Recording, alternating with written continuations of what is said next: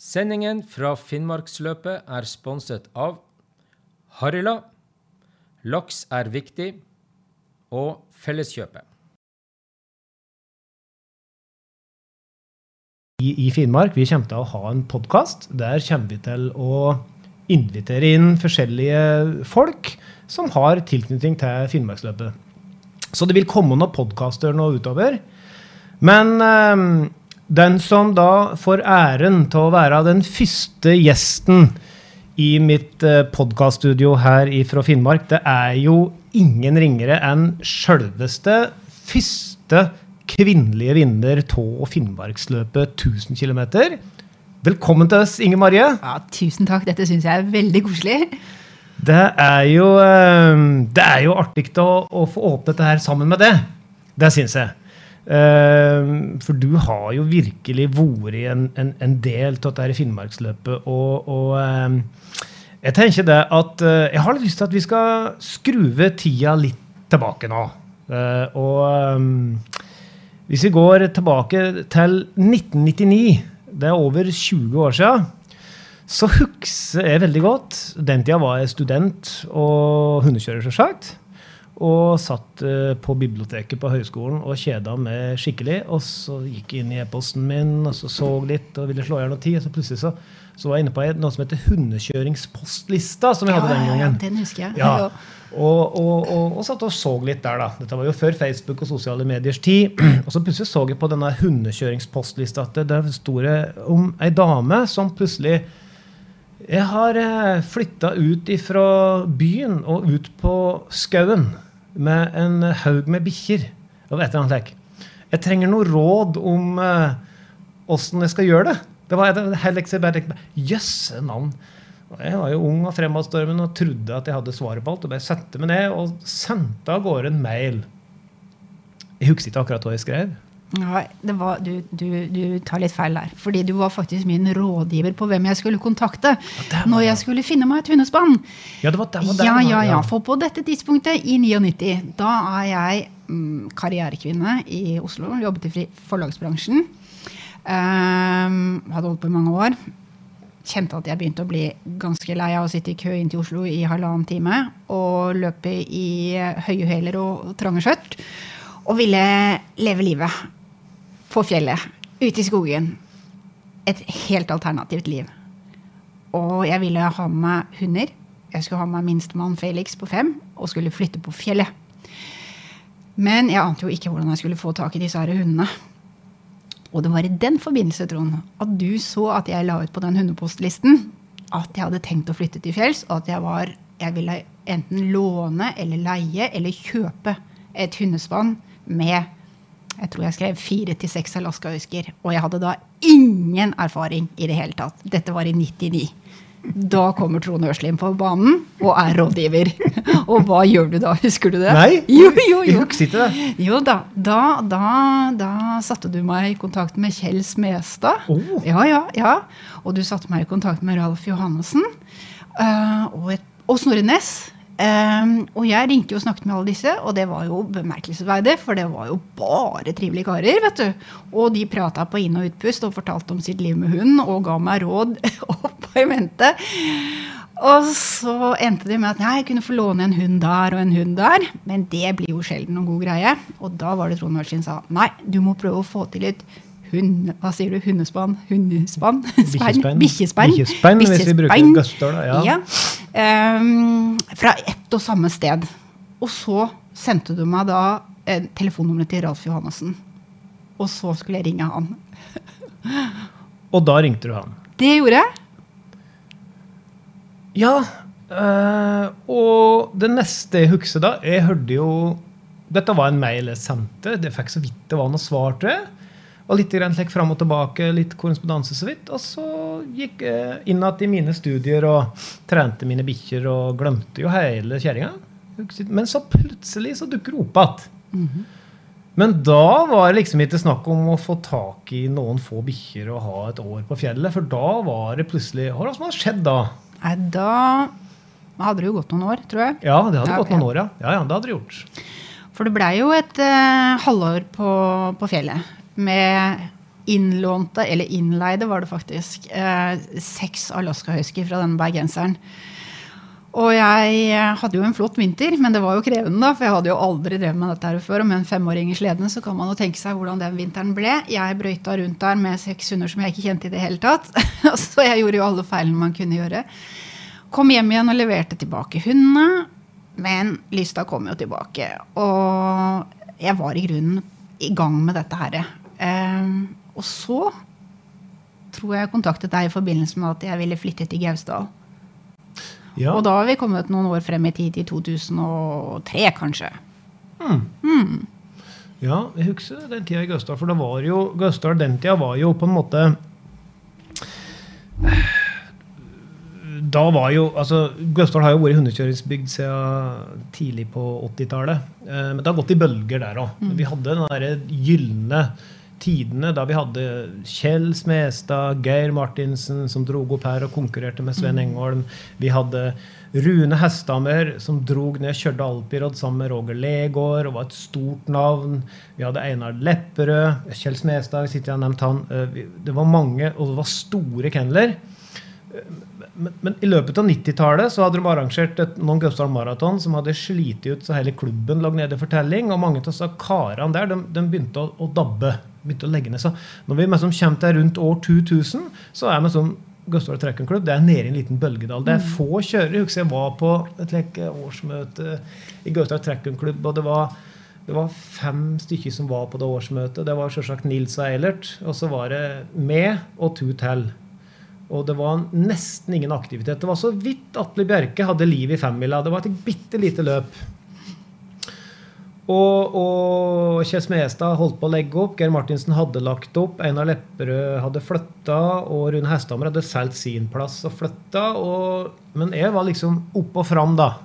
Vi hadde jo vokst opp uh, like utafor bygda og kjente jo seg her. Og, og da sto jeg der da, og hadde noen bikkjer og ville som gå på. Og da, var, da var vi nede. Og så husker jeg det at um, jeg nevnte på et like, møte i denne klubben at um, ja, maraton, maraton, jeg har til å arrangere maraton igjen. Og da husker jeg veldig godt at både Eilert og Nils og Atle de bare sank opp og sa nei, vær så snill, ikke gjør det. Dette løpet, det knakk klubben. Åh, vær så snill. Dette, nei. Den var bare helt vekk. Og jeg satt der alene, og, og, og, og så husker jeg veldig godt at, at akkurat i den perioden så fikk jeg en mail nummer to, da. Eller kontakt fra Inge Marie, da du sa Vet du om en plass å bo? Uh, jeg vil flytte til Gausdal. Og da ble det jo Da fikk jo Gausdal en skikkelig vitamininnsprøytning. For da husker jeg at Inge Marie kom, og Ralf kom med brask og bram opp i bygda. Og da hadde vi fått noen slike yes-mennesker.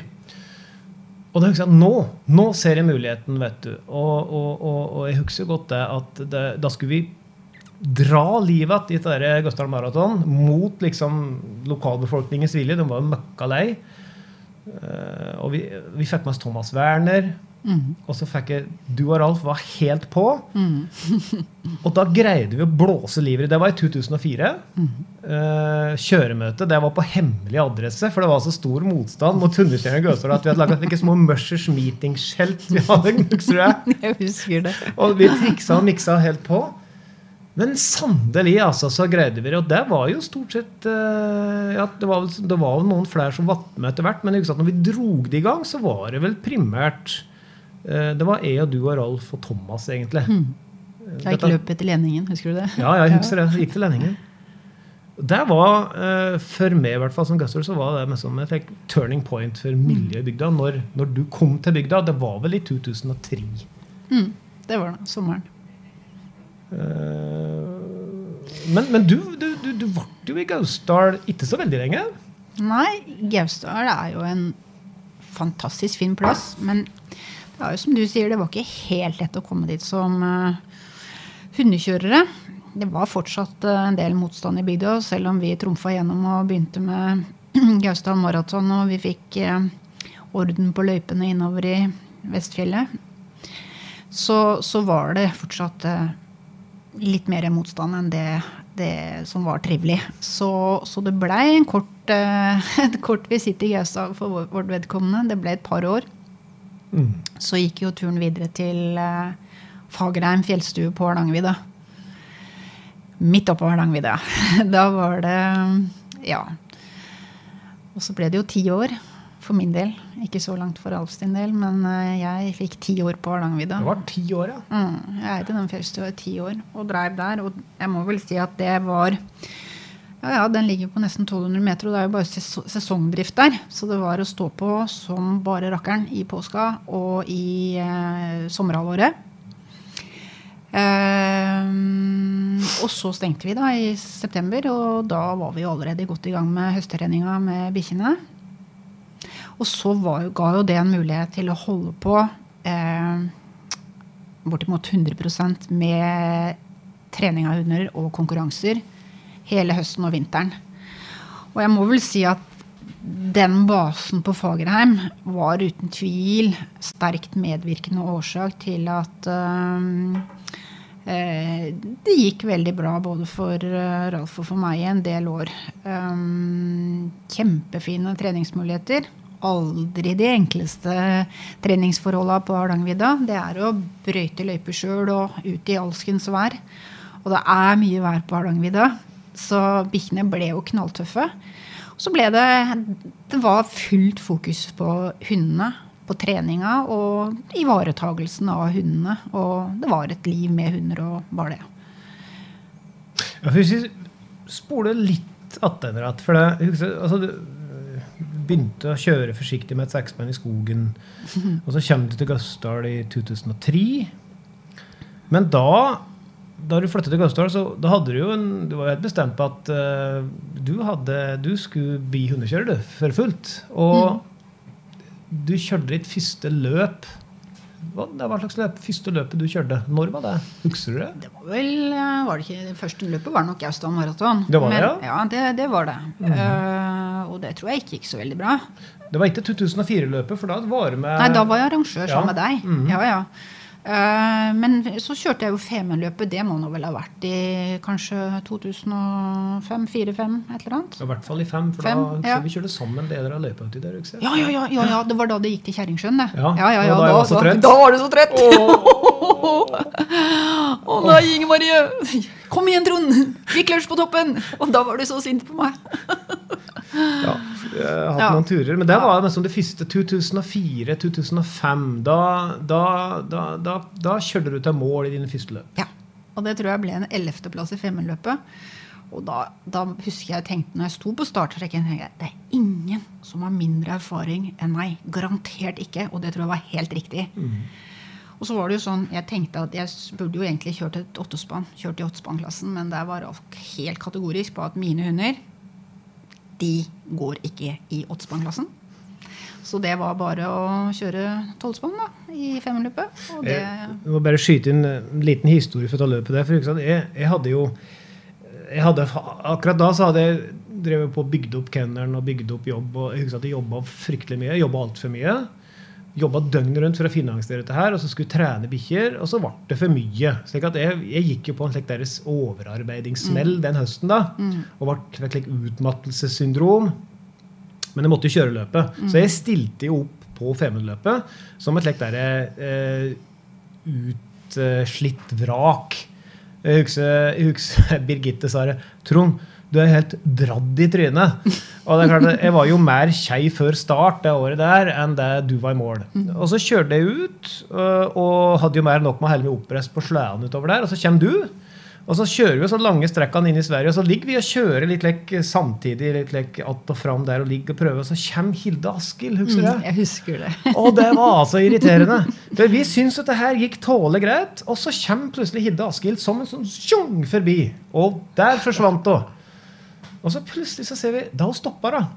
Og vi kjørte bare et par timer, og så stoppa hun, så de var masserte seg bikkjene, og vi kjørte forbi. vet du. På ja, ja, det da, da, der var hun ferdig, liksom. Og så, så kom og kjørte forbi. Husker du det? Ja, jeg husker Ja. det. Jeg husker det. Så det var litt å reise. Men så, men så eh, Da gikk jo eh, Da gikk du jo da ifra med som å utvikle som hundekjører og starte med som en langdistanse i Gausdal et par år. Flytte til Fagerheim, kjøpe det, selge gården i Gausdal. Og så bom! Da skjedde det noe. Hva var det som skjedde da? Nei, Det var som jeg sa, fullt fokus på hund og hundekjøring. Um, eh, bra treningsfasiliteter på høsten på Dagali, og så bare flytte opp på Fagerheim så snø, fort snøen kom. Og jeg må jo bare medgi at det, det var litt annerledes klima den gangen. Jeg husker På, Hardangervidda da hadde vi som regel snøføre og sledeføre i slutten på oktober. Og nå kan jeg jo bare si at um, sledeføre på Hardangervidda det kom rundt uh, på nyåret, midten av januar i år. Så, så at det har skjedd noe på de årene, det er helt klart. Det er, det er altså 15-17 år siden, noe sånt. Um, ja, så det ble, jo, det ble jo et liv med veldig fokus på trening av hunder og, og, og løpskjøring. Um, alt som følger med det. Det er et trangt og smalt uh, fokus. Og hvor du, hvor du, når du satser på å virkelig kjøre bra, så er, uh, er det mye som må forsakes. Det er uh, Du skal ikke ha mange andre interesser enn hundekjøringen for å, for å klare å, å satse på sånt, et sånt nivå. Og det er også familiære hensyn som i perioder settes, settes litt til side og på, på, vent. Og jeg må jo si for min egen del at jeg har jo i perioder hvor jeg satset som tyngst på hundekjøringen, så måtte jeg ha mindre ansvar for barna mine enn det jeg kanskje i dag kan tenke at var ok. Mm. Det var et trangt uh, fokus på hund og hundekjøring. Ja, der er du litt unnskyldt, fordi at uh, det er jo slik det går med alle. Ja. ja. Men OK, vi kjørte sammen i 2005 i Femundløpet og karras til mål. Uh, du forsvinner til Fagerheim. Jeg restituerer meg sjøl bra hjemme i Gausdal. Og um, så går det tre år. Jeg har ikke så veldig mye kontakt med Inger Marie lenger, eller Ralf for den saks skyld. Og så skal jeg kjøre Finnmarksløpet. Mm. Og da hadde jeg restituert meg sjøl. Jeg hadde et kjempegodt spenn. Startet ut i 2008 i Finnmarksløpet. Og plutselig så tar jeg at Ralf midt ganske tidlig i løpet og feier forbi han. Og da husker jeg Ralf stoppa og så sier han det. Mm, du skal på pallen i år! og så kjørte jeg fram. Jeg tror jeg var et hav av tid uh, før Ralf i mål. Mm. Uh, og det var stort for meg å knuse Ralf, for Ralf hadde sagt at det skulle aldri skje at jeg kjørte fra Men da kjørte jeg fra Ralf. Uh, så på at det var spennende. og tenkte ja, ja, det var noe. Så jeg kjørte til mål til en pallplass og var kjempefornøyd. Og Ralf kom lenge etter mål. og så Da var det slik saltarskytte, så jeg skulle tilbake i 2009. Skulle jeg tilbake og konkurrere i Finnmarksløpet for å vinne Saltdalshytta. Og starte ut, vet du. Og huske at jeg kommer til Jotka. Og så kommer Inge Marje, som har starta, da. Som et kanonkule forbi meg, vet du. Og inn til Jodka, armer og bein og full fart, og kom ned til skogen bare og tenkte bare ja, ja, Inge Marie, dette her, det Ja, ja. Dette her, det er litt etter mål. Og så plutselig på slutten, vet du, så bare kommer jo Inger Marie som fra ingensteds hen.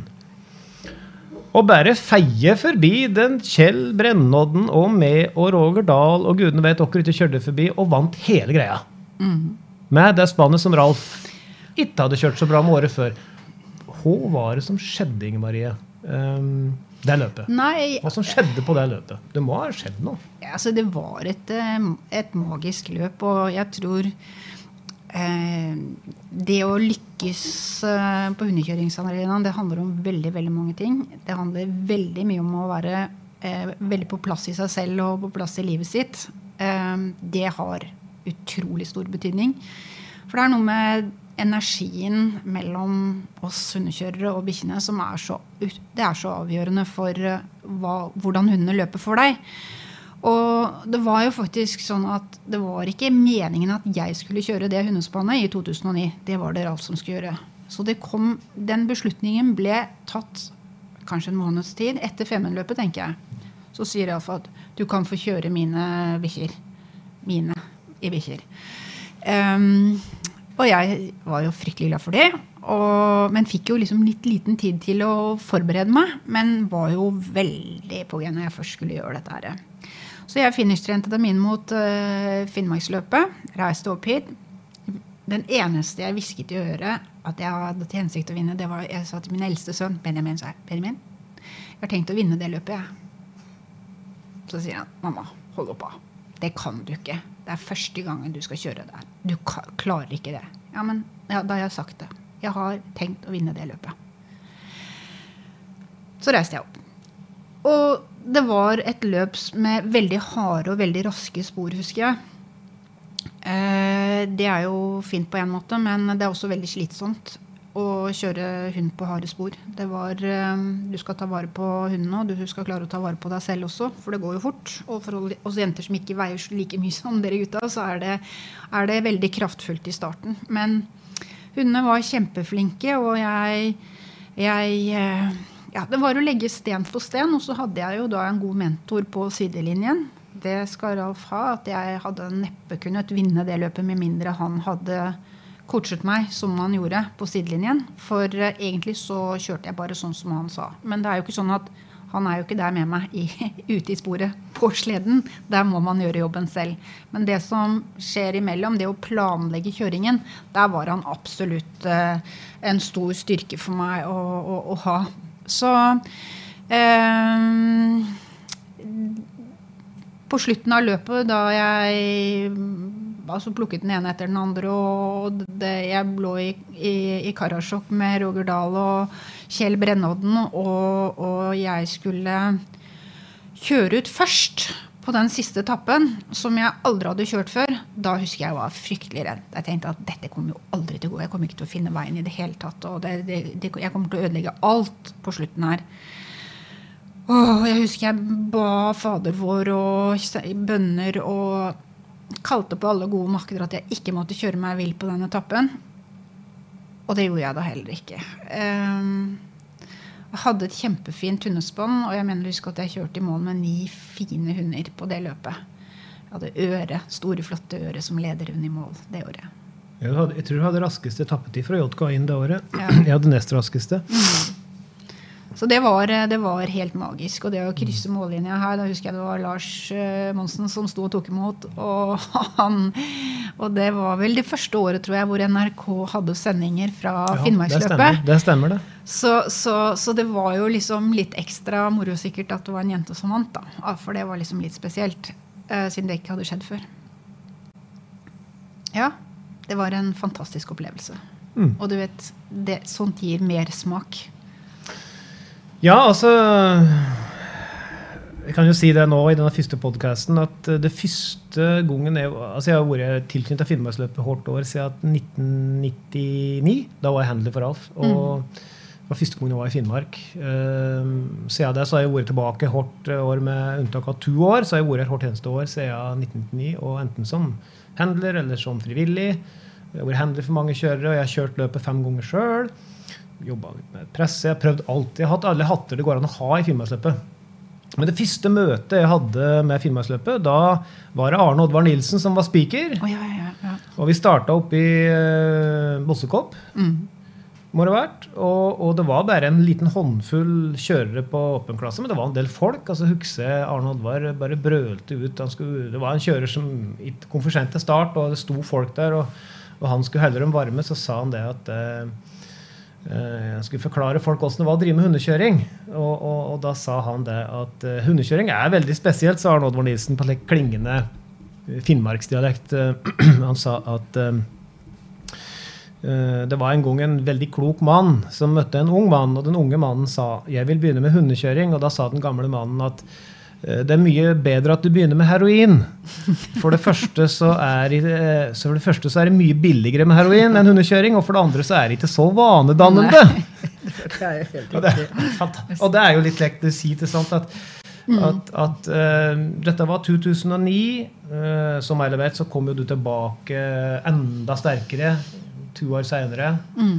Krona det hele med en ny seier. Tre år senere ja, tre år senere og beviste for hele verden at dette var ikke noe flaks, det var ikke noe tilfeldighet. Du fikk virkelig vist at, eh, at du var best. Uh, men hvor ble det av det da? For da ble du borte igjen en stund. Ja, jeg kjørte nok sikkert. Jeg kjørte jo i 2013. For ja, da, da ja. skulle jeg jo gjøre det samme som du klarte. ikke sant? Ja. Å vinne Saltdalshytta. Og det klarte du? Og det klarte jeg. For da ble det en tredjeplass i ja. 2013.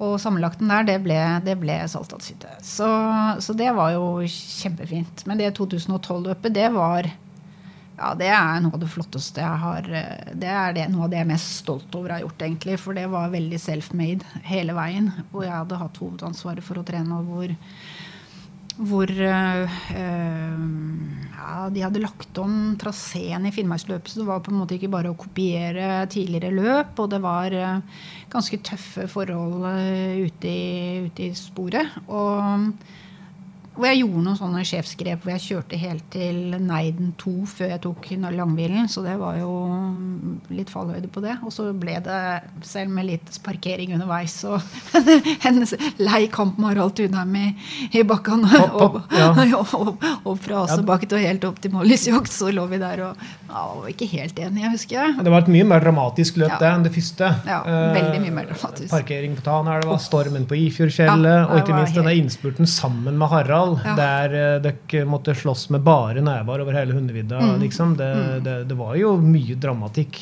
og den kom fortjent, denne seieren i 14. Mm. Så den, den smakte jo veldig veldig godt. Men så, etter det, så har du rett i det at jeg har eh, jeg kjørt i 2013, og så kjørte jeg vel i 2015, tror jeg. Det, eller jeg gjorde det. Og da ble det vel en oh, kanskje sjetteplass, noe sånt nå. Og så kjørte jeg jo nå for to år siden, koronaåret. Mm -hmm. um, men fikk en stopp litt tidligere enn de andre fikk sin stopp i, ja. i Levajok. Og um, jeg har siden 2013 ikke, ikke ja, det har navigert livet mitt inn igjen litt bakover, kanskje, for en periode. Og ikke kunnet prioritere hundekjøringen like, like, høyt som jeg gjorde i de tidligere årene.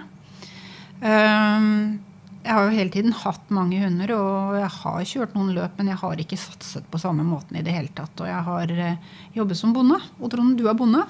Du ja, vet veldig godt. Er ja. du bonde med mange dyr, så er det, det er veldig tidkrevende. Veldig arbeidskrevende. Og ja, jeg må vel si også at utkommet som bonde er ikke all verdens. Ehm, det gjorde det også vanskeligere for meg å, å satse. Jeg hadde ikke fagrom lenger med de fine treningsforholdene, for jeg solgte den fine fjellstua på Hardangervidda. Det kan man jo si var en tabbe. Men det gjorde jeg. Og så hadde jeg Så jeg har rett og slett ikke kunnet prioritere langdistanse hundekjøring, konkurransekjøringen, like høyt. Um, men det underlige er jo at uh, lysten til å holde på med hund, den er jo ikke blitt uh, borte. Og det er jo underlig. Altså, det, det, det er, ligger så langt inn i Det er så inn i margen, det å trene hund og trene frem hund, at hver, hvert år når det blir sånn uh, eh, 1. august, da har vi hundekjøreren. Liksom, det er litt magisk dato. Da må vi komme i gang med høsttreninga vår.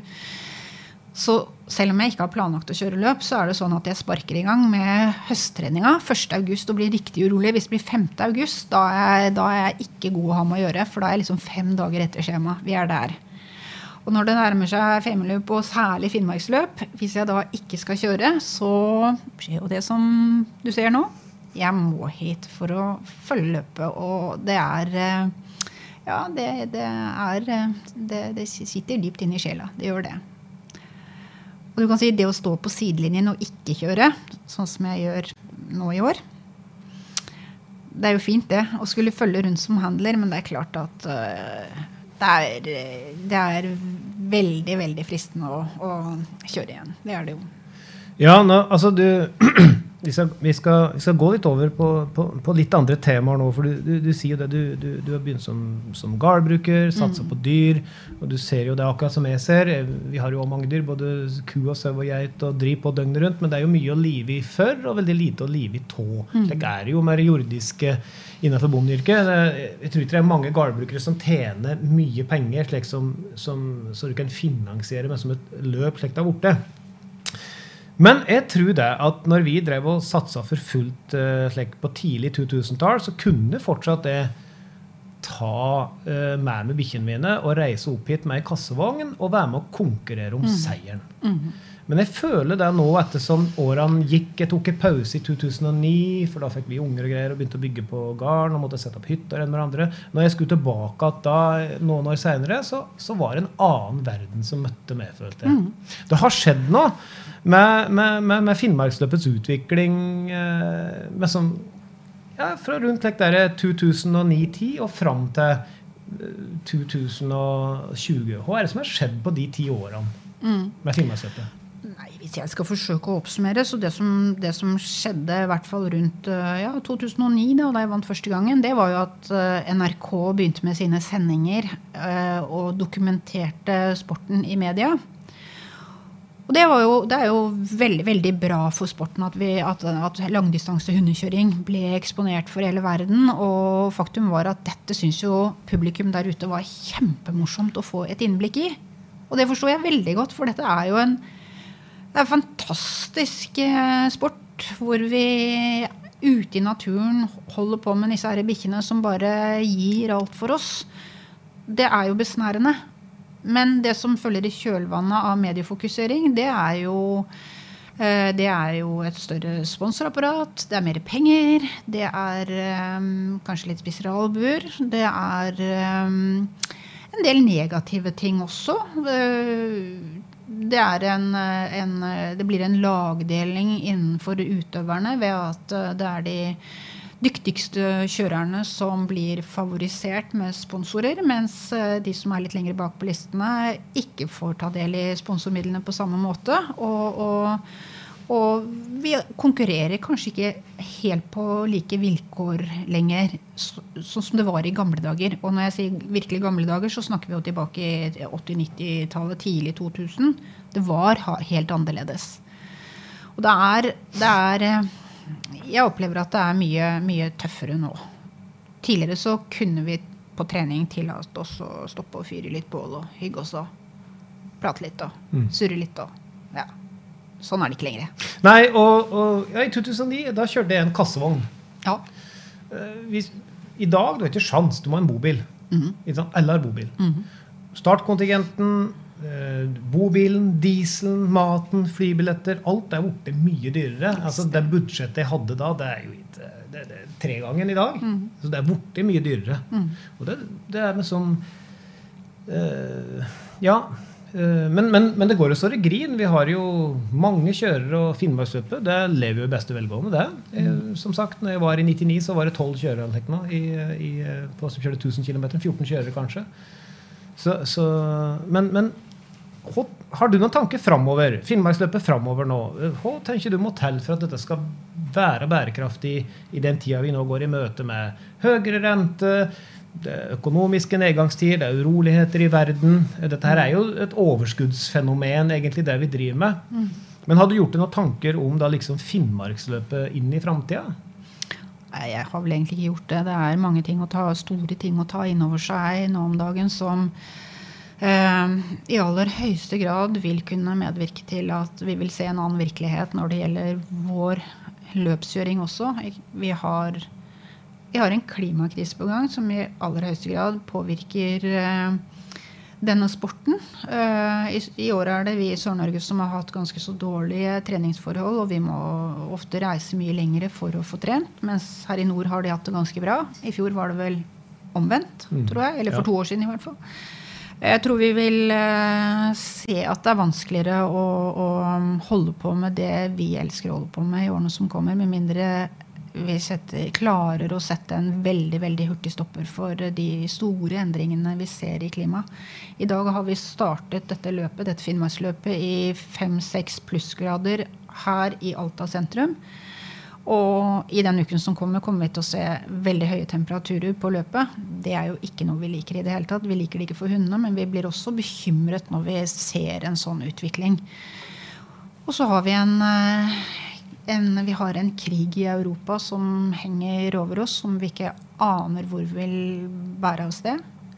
Det vi i hvert fall kan regne med, det er at dette vil få konsekvenser i mange retninger som kanskje gjør at vi må prioritere annerledes. Og, og, Og at kanskje Finnmarksløpet vil, vil eh, måtte gjøre forandringer også. For det er klart, ingen aner hvordan, hvordan den enkeltes personlige økonomi vil bli i tiden som kommer fremover. med med drivstoffpriser som er oppe i taket, og med strømpriser som er oppe i taket. Det er, eh, og det er utrolig mange ting vi ikke overskudder i det hele tatt. Og vi kan bare nå håpe at denne krigen snart ender, og at det stopper med dette.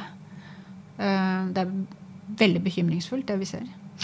Det er klart, vi snakker om klima. Jeg hørte at nå var det en editterrådkjører som hadde sett en mygg på sporet. Fått en mm. mygg mm. oppunder jakkeermet. Mm. Eh, vi startet her i Plaskreng, men vi hadde jo 2004-løpet der jeg og Ralf kjørte samtidig hele veien. Det var jo altså øh, Ja. Vi har jo åpenbart en klimaendring. Det har jo du merka på Hardangervidda. Vi har merka det i Gausdal. I år ble det jo Gausdal Maraton, som har gått på sommerhelga hvert år nå i 20 år. Det ble jo avlyst for første gang siden jeg og du restarta det løpet i 2004. Uh, Pga. snømangel så, mm. så hadde noe på gang. Men ok, vi har, vi har, en krig, vi har økonomiske utfordringer, og vi har eh, klimaendringer. Men hvis du ser bort ifra det, slike ting som men, men, men, hvis du ser på Finnmarksløpets sportslige utvikling, for at dette skal gå inn i framtida, har du noen tanker rundt det? Du har jo kjørt ja. den og fulgt, og artig å ja. høre hva du har tenkt. Yes, jeg ser jo i aller høyeste grad at vår sport den er blitt eh, sportifisert i veldig stor utstrekning i de årene jeg har holdt på. Og så kan vi jo være glad for noe av det som har skjedd, men kanskje ikke så glad for andre ting. Og jeg forsøker jo gjennom det jeg driver med, å formidle det, det det litt enkle friluftslivet, at det skal ligge i bunnen av det vi driver med. Og jeg tror det er viktig for denne sporten at vi ikke fjerner oss for langt fra det. Det må få lov å ligge i, i, i, i bunnen av det vi driver med.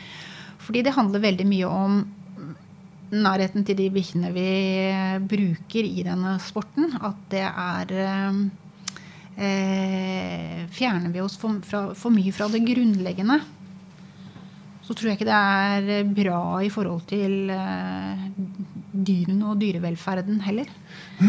Eh, og, og, jeg forsøker jo gjennom sant, I disse årene hvor jeg ikke har kjørt så mye løp som jeg gjorde tidligere, så, så, så vet vi jo hva jeg har fokusert på. Det er å formidle gleden ved hundekjøring og friluftsliv og eh, det ekte, gode livet i tilknytning til uh, dyr og dyr generelt, også korsdyr, eh, til barn.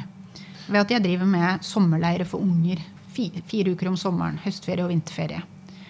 Og mm, jeg ønsker at det skal være en sånn At det skal At barn skal få ta del i det, og at det skal at det skal spille en stor rolle for dem. Fordi det kan være med på å prege hvordan barn tenker i fremtida. Og hvordan de preges til å utvikle eh, samfunnet vårt og, og, jorda vår og prioriteringene de gjør når de vokser opp.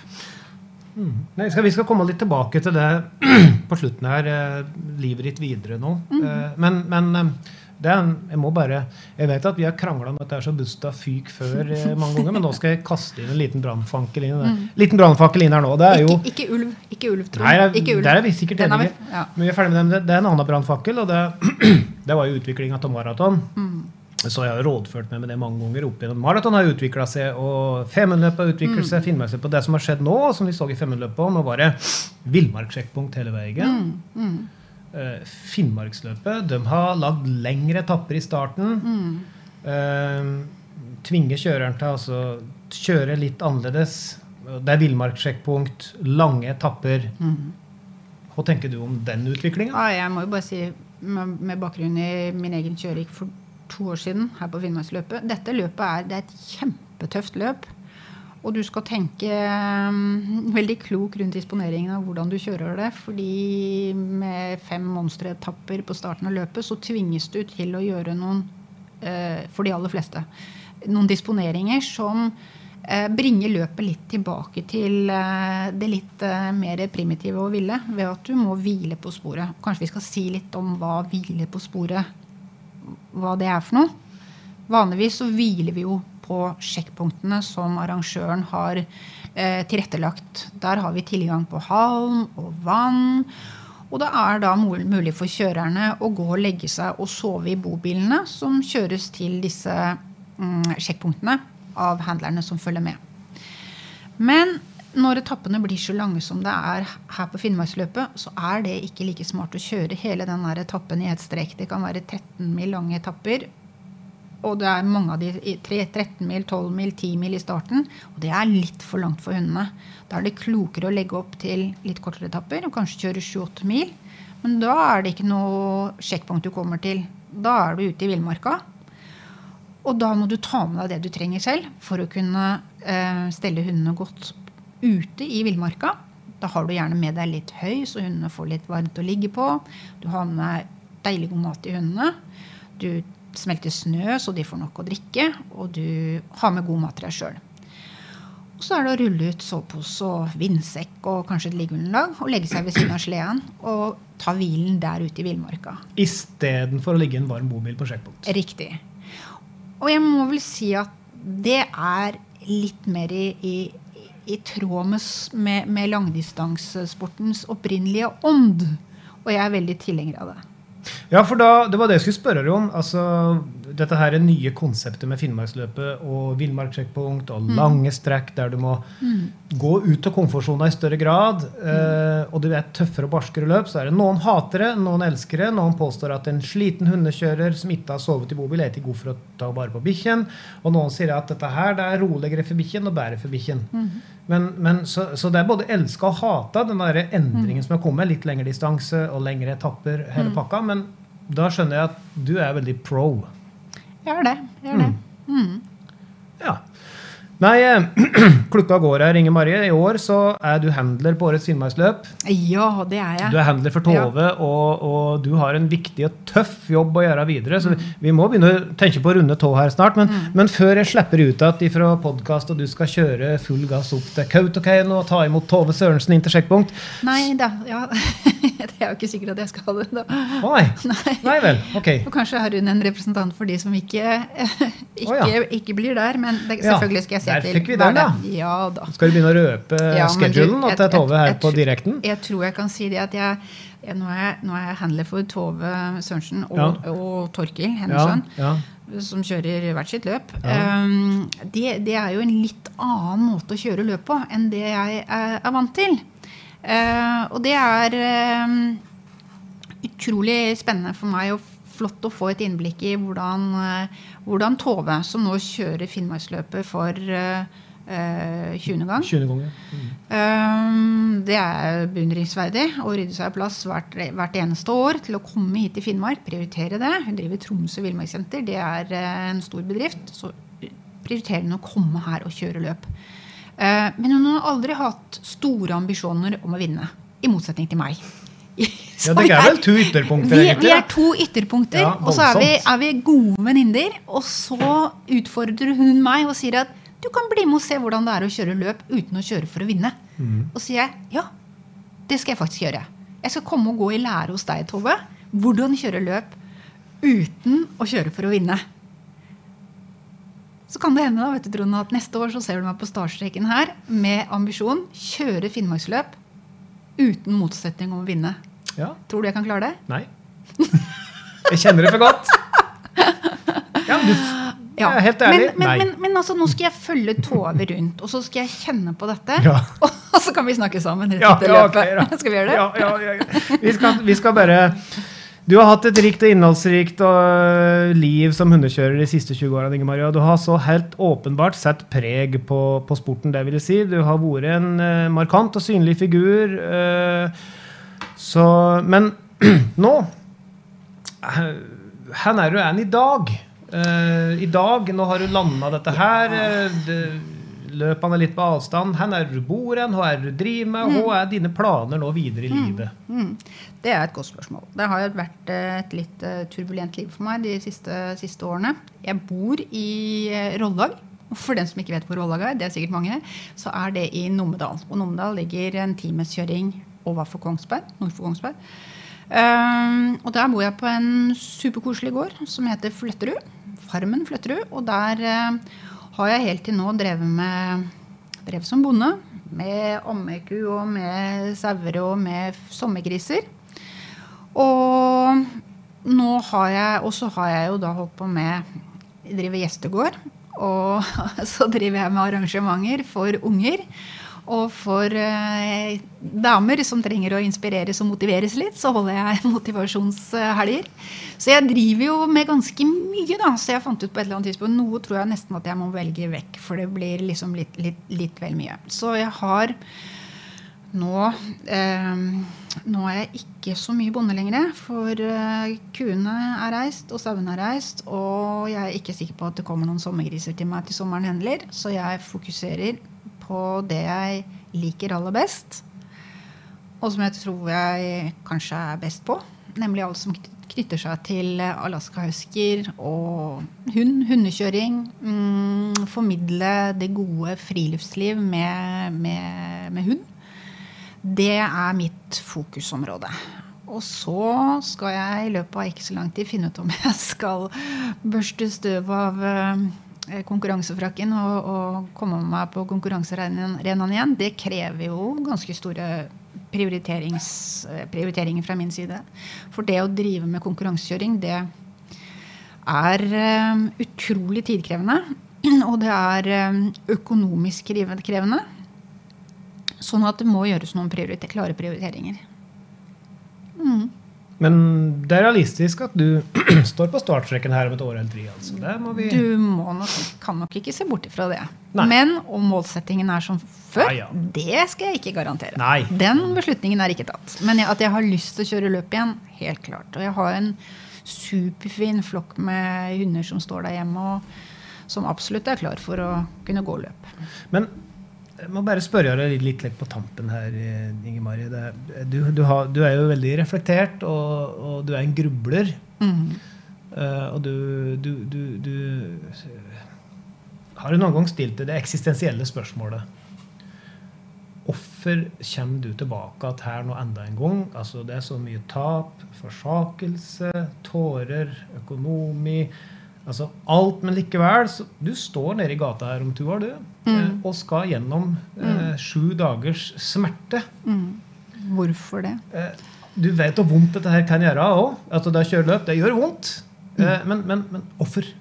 Har, har, du noen gang prøvd å finne ut Ja, ja, ja det, dette har jeg tenkt ganske mye på, faktisk. Og jeg, jeg, eh, jeg, er veldig opptatt av hva er det som, som Vi er jo alle forskjellige, men for meg så er det slik at det er kontrastene i livet som virkelig gir livet eh, betydelig, det betydelige innholdet. Det, det, det, gir meg en Jeg liker ikke ordet lykke, men kanskje skal jeg bruke noe. Lykkefølelse. Det, det knytter seg til kontraster i livet.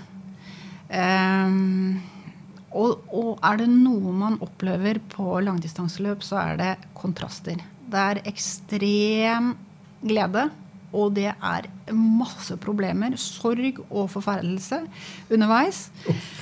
Eh, det er en slitenhet. En, du er så du, du, opplever aldri noensinne ellers i livet å være så utmattet, så sliten, både mentalt og fysisk, som du er når du kjører et finnmarksløp. Men så er det besynderlig at når du krysser den mållinjen, så er det Så er det borte. Det er glemt. I hvert fall et par dager etterpå så er det glemt. Og så vil man bare ha mer, og man vil gjøre det igjen. Du vil tilbake? Ja, du vil tilbake. Til kontrast. Ja. Og det er øh, Og det gjelder så mangt i livet. ikke sant? Hvis man har det alltid behagelig, deilig og varmt, og ingen problemer og ingen humper, så er det ikke noe spennende. Og jeg er jo kanskje en eksponent fremfor noen for å eh, velge å leve sterkt fremfor å la være å leve. Og så sier jeg at eh, det er jo ikke alle jeg kan anbefale det til, men for min del så blir det vel neppe noe annerledes noensinne. Jeg, jeg, må, jeg må, jo bare skyte inn uh, Trond Anton skulle jo samle uh, til, til, til, sånn reunion. Mm. sånn jubileum her. Mm. Han skulle samle disse gamle Finnmarksløpshundekjørerne til en sånn fest. De skulle kjøre opp til Jodka. Ja, For noen år siden skulle han gjøre dette. Stor ståhei. Og Trond Anton han skulle få tak i Kjell Smestad, Sven Engholm mm. og disse gamle. ikke sant? Mm. Og så var det jo det var en av sånne gamle, virkelig hardbarka finnmarksløpskjørerne som hadde ringt til. da. Og han hadde bare sagt at Nei! Nei! Han, han sykla for å glemme! Så, altså, han sykla for å glemme Finnmarksløpet. Så ja, det er jo noe spesielle greier der. Tida vår går. Um, helt på tampen her Du slipper ikke unna duell. Inger Marie, hvem er det som vinner årets Finnmarksløp på Åfer? Ja Det ville jo være kjedelig om jeg sa Thomas Werner nå først, så tar han til slutt, da. uh, jeg tenker at uh, ja, det er absolutt flere som kan ta seieren. Ikke bare Thomas. Dette vil bli et litt sånn annerledes løp. Ved at det er veldig mildt. Og det er ikke det som er det beste for, for, hundene. Det er så mange ting som er belastende når det er mildt. Og alle vil jo tenke at å ja, da blir det veldig dårlige løyper. Det kan det bli. Det som er utfordrende, det er at mange hunder de er ikke så veldig flinke å spise når det blir veldig varmt. Um, de er heller ikke så flinke å, å, drikke. De har ikke lyst til å ta til seg noen ting. Og det er noe som er helt superviktig når vi kjører løp. Det er at hundene spiser skikkelig godt, og de, at de drikker masse. Og så vil hundene, for å kjøle seg ned og få i seg væske, så går de og snapper snø. De spiser snø mens de løper. Og så er det sånn at Når hunder løper og trekker, så, så skiter de jo underveis i løypa. Og, da er det, og når andre, går, andre, hunder da kommer bak og snapper snø, så blir de gjerne sjuke i magen. Og da får man diaréproblemer på hundene. Så jeg tror det kan bli et, et løp som eh, ikke er så enkelt eh, som, som, vi kunne håpe på.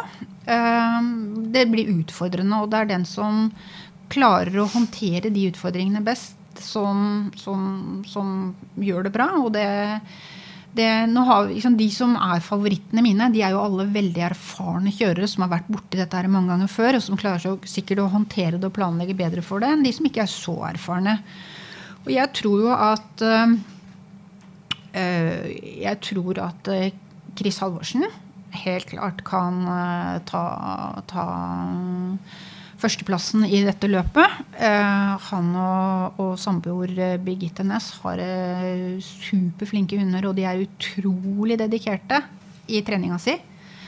De kjørte Femundløpet, eller startet begge to i Femundløpet for en måneds tid siden. Men de kjørte ikke hele veien til mål.